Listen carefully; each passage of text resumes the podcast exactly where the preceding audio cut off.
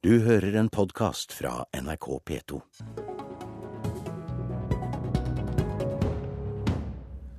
Nye regler fører til færre permitterte, mens flere blir oppsagt, mener industrien. Jeg heter Per Arne Bjerke og ønsker velkommen til Politisk kvarter, der vi først skal møte mannen som hele Senterpartiet ser ut til å ha sterke meninger om. God morgen, Ola Borten Moe, med meg fra studio i Tromsø. God morgen.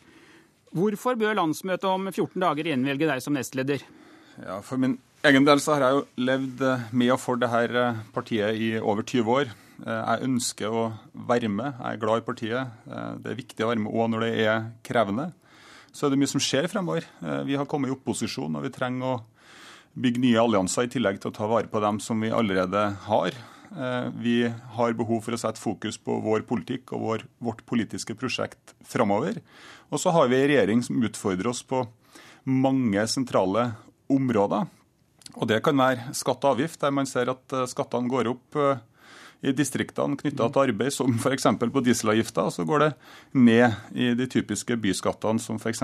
på arveavgifta. Det kan være reservasjonsretten som må utfordre eh, prinsippet om at det skal være lik tilgang på helsetjenester over hele landet. Så de tingene eh, vil jeg eh, være med eh, og sette fokus på.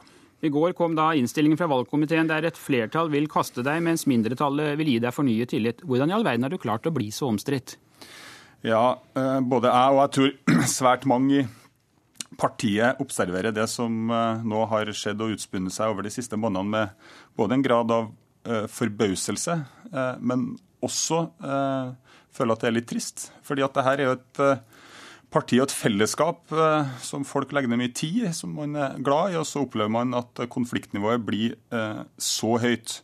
Jeg har ikke noe godt svar på det, men det jeg har et godt svar på, det er at når vi nå blir ferdig med den 7. april og det ekstraordinære landsmøtet, så påligger det oss alle sammen et stort ansvar for at man da er ferdig med det her, og at vi sammen klarer å rette blikket framover, sammen trekke lasset.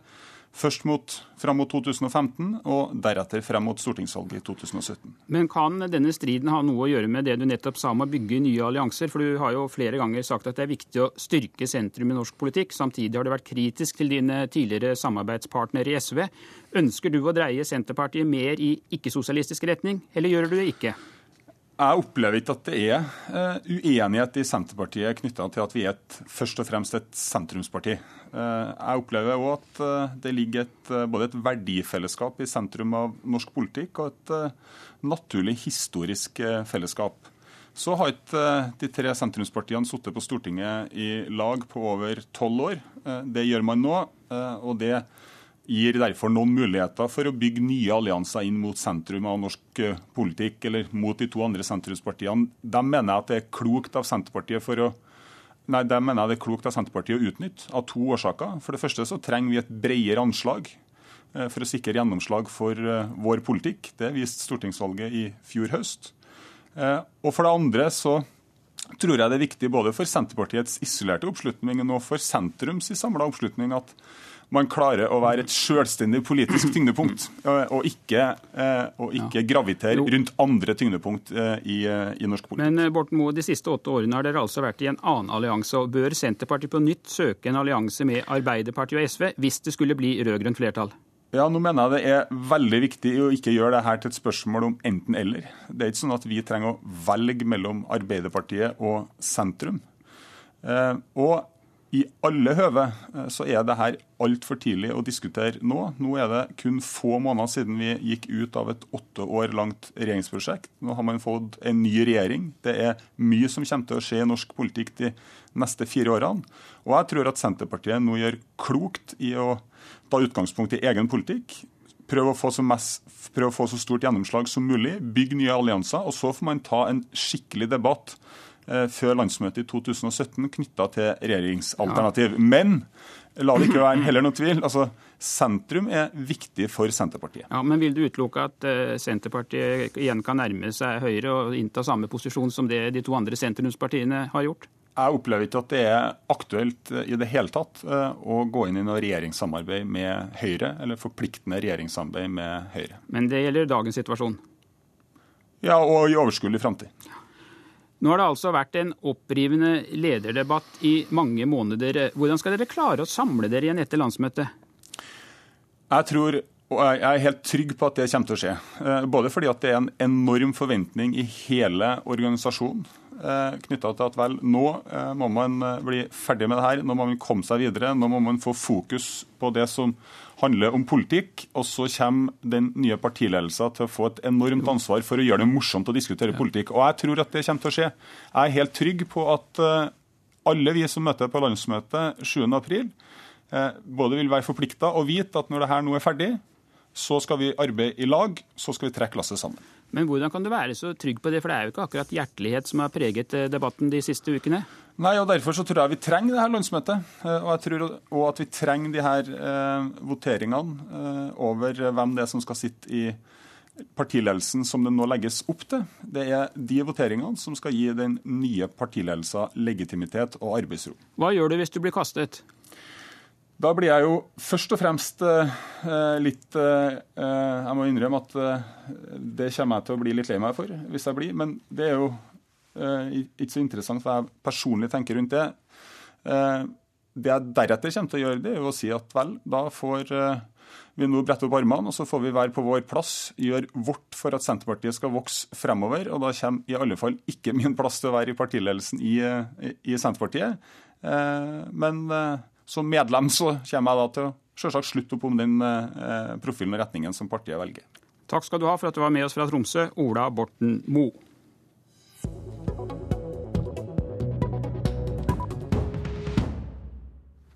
Fra nyttår ble det innført nye permitteringsregler. Det betyr at arbeidsgiverne må betale for en lengre periode av permitteringstiden, mens staten betaler mindre. Resultatet er, slik vi hørte i Dagsnytt tidligere i morges, at en del bedrifter velger å si opp ansatte i stedet for å gå til permitteringer når ordrene svikter. Arve Kampe, du leder arbeids- og sosialkomiteen på Stortinget og representerer Høyre, og er med meg fra studio i Haugesund. Hvorfor var det riktig å stramme inn permitteringsreglene når resultatet blir flere ledige, slik vi hørte eksempler på tidligere i dag? Hovedårsaken til at vi valgte nå i regjeringen å, å øke egenandelen på dagpenger for bedriftene, er rett og slett at uh, da var det sånn at bedriftene betalte en egenandel på 6% mens staten betalte 94% Vi mente at det var godt grunnlag for et helt annet balansepunkt, så vi økte det opp til, til 20 dager. altså hvor, Som i praksis vil si at bedriftene tar 10% av permitteringskostnaden, mens staten og skattebetalerne tar 90% Det mener vi er en, fortsatt en god ordning. Det er fortsatt flere tusen som bruker eh, permitteringsregelverket sånn som det er tilsikta. Så jeg tror at eh, vi skal skille mellom de som blir oppsagt pga. varige endringer i arbeidslivet, manglende eh, vinning av kontrakter, et redusert eh, marked i Europa som etterspør tjenester, eller det som da er midlertidig art. Og da har Høyre-Frp-regjeringen sagt at hele poenget med et permitteringsregelverk er faktisk for å ha fleksibilitet i arbeidslivet, og det slår meg i ringen. Nestleder i arbeidskomiteen og tidligere arbeidsminister Dag Terje Andersen fra Arbeiderpartiet. Hvorfor mener dere det var galt å endre permitteringsreglene? Ja, for Det som eh, jo skjer, er at eh, i situasjoner der bedrifter tidligere vært permittert og har godt kvalifisert arbeidskraft på plass når markedet kommer tilbake, f.eks. etter en hard og kald vinter så blir det mer å gjøre i byggenæringa på, på våren. Eh, vi vil at de skal kunne beholde seriøs arbeidskraft, og det var ingen grunn til å legge den belastninga på industrien. Og det fikk vi jo, og på næringslivet, og det fikk vi jo veldig klare signaler om på høringene i komiteen. NHO og arbeidstakerorganisasjonene står her helt samla. Det er altså første gangen i historia at ei regjering har eh, satt opp kostnaden med å permittere for bedriftene og svekka rettighetene for de ansatte eh, i en situasjon der de samtidig sier at arbeidsledigheten kommer til å gå litt opp. Det har aldri skjedd før, og det advarte mange imot. og Nå begynner vi å se konsekvensen av det. og Jeg er opptatt av at eh, nå, nå må regjeringa altså se hva som faktisk skjer. Det er ingen grunn til å heve folk ut i arbeidsledighet hvis en vet at jobben kommer tilbake. Derfor så må en senest ved revidert budsjett sørge for at dette kommer på plass igjen, sånn at det er mulig å drive seriøse bedrifter i Norge. For noe annet som skjer her, er nemlig det at eh, når, når, det blir vanskeligere for seriøse bedrifter å beholde arbeidskrafta, så blir det altså mer aktuelt å drive bare med innleide arbeidstakere, og det blir mindre seriøst arbeidsliv. Kampe, bør reglene endres igjen allerede i revidert, slik Andersen nå tar til orde for? Det er klart Regjeringen har ingen prestisje i, i, denne saken, men vi eh, har god forståelse for at dette skaper engasjement. Vi har veldig god dialog. Vi har møtt veldig mange av bedriftene som nå eh, varsler om eh, sine utfordringer. I mitt distrikt, eh, valgdistrikt som jeg er fra, fra, så var begge eksemplene som er vist på NRK i dag, Vestgården i Vindafjord og Storasund på Karmøy både sier at det har stort sett med markedssituasjonen å gjøre, men òg kanskje med permitteringsregelverket å gjøre. Men vi mener at vi har funnet et balansepunkt som er bedre enn tidligere. For det er altså sånn eh, jo, Men hvis det balansepunktet fører til flere ledige, da? Ja, det når, når vi får arbeidsledighetsstatistikken som kommer nå fra Nav, så viser makrotallene relativt små justeringer. Så er det sånn at de fleste som blir oppsagt i dag på jobb, får nye arbeidsplasser. For det er altså sånn at Vi møter rundt omkring, det er stadig oppslag òg på NRK, bedrifter som jakter på kompetent arbeidskraft som de ikke eh, får tak i. Så det er klart at det som er et bieffekt av permitteringsregelverket, mm det er jo, Husk på det at de som er permitterte, de får ikke full lønn av arbeidsgiveren. De får dagpenger under permittering, på lik linje som de har fått dagpenger under arbeidsledighet. Det gjør at mange av de er lojale mot sin arbeidsgiver og lar være å søke på en jobb hos en bedrift som kunne tilby fast jobb i mellomtida. Så vi mener at kanskje det er sånn at det er et en innelåsningseffekt som gjør faktisk at andre bedrifter som da kunne hatt nytte av den arbeidskraften, ikke får den. Og da mener vi at det er ikke et dårlig regnestykke for en bedrift at staten tar 90% av regningen ved permitteringer, og bedriftens egendel er 10% særlig i en situasjon hvor vi kutter skatter og avgifter for næringslivet, reduserer kapitalskatten, satser på forskning, satser på samferdsel, nettopp sånn som næringslivet har bedt om. Dag Terje Andersen, er ikke noe i det Kambe sier her, at en, disse reglene kan gjøre det lettere å få til omstilling? Omstillinger. Altså flytte folk over til steder eller bedrifter, yrker hvor det er behov for flere ansatte. Ja, men Det er jo ingen som er permittert og går på redusert godtgjørelse som, som blir trua til å være det hvis en har mulighet til å skaffe seg en annen jobb som en, uh, som en heller vil ha, og ha full uh, stilling.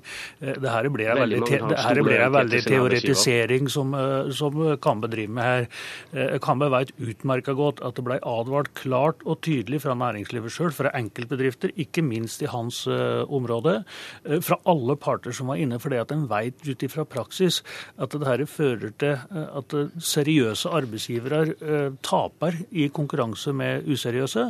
De som virkelig vil bruke de, sine ansatte òg til å bygge kunnskap. Noen bruker faktisk permitteringstida òg til å, å, bygge enda mer kunnskap.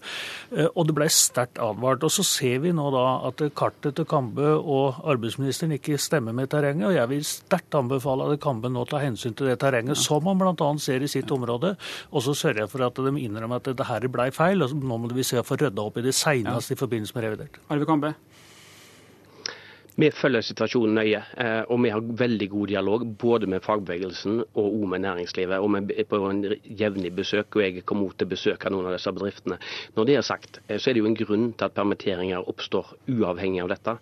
Så vi må jo se for oss fra regjeringspartiet så er det viktig nå, eh, f.eks. Vestgården og Storhasund, de er avhengig av at vi har en god maritim politikk som regjeringen nå leverer. De er avhengig av at vi har en høy aktivitet på sokkelen, så det faktisk blir arbeidsplasser. De er avhengig av at vi har et skatte- og avgiftspolitikk som funker. Og ikke minst så tror jeg veldig mange i næringslivet har gode forventninger eh, til, til, denne regjeringen. De rød-grønne hadde i åtte år eh, stort sett oppskrift på skjemakontroll og mistro til næringslivet. Denne regjeringen har, om, har, har forenkling, tillit og skattelettelser som ambisjon. Eh, jeg skjønner gjerne at Kammer gjerne vil snakke om noe annet. Vi rydda opp i masse på skjemaveldet og gjorde masse forenklinger i vår tid. Det er vi enige om. Vi hadde òg en aktiv næringspolitikk, det vil alle folk i bransjen si. Men det er ikke det det her snakker om, eh, Kambe.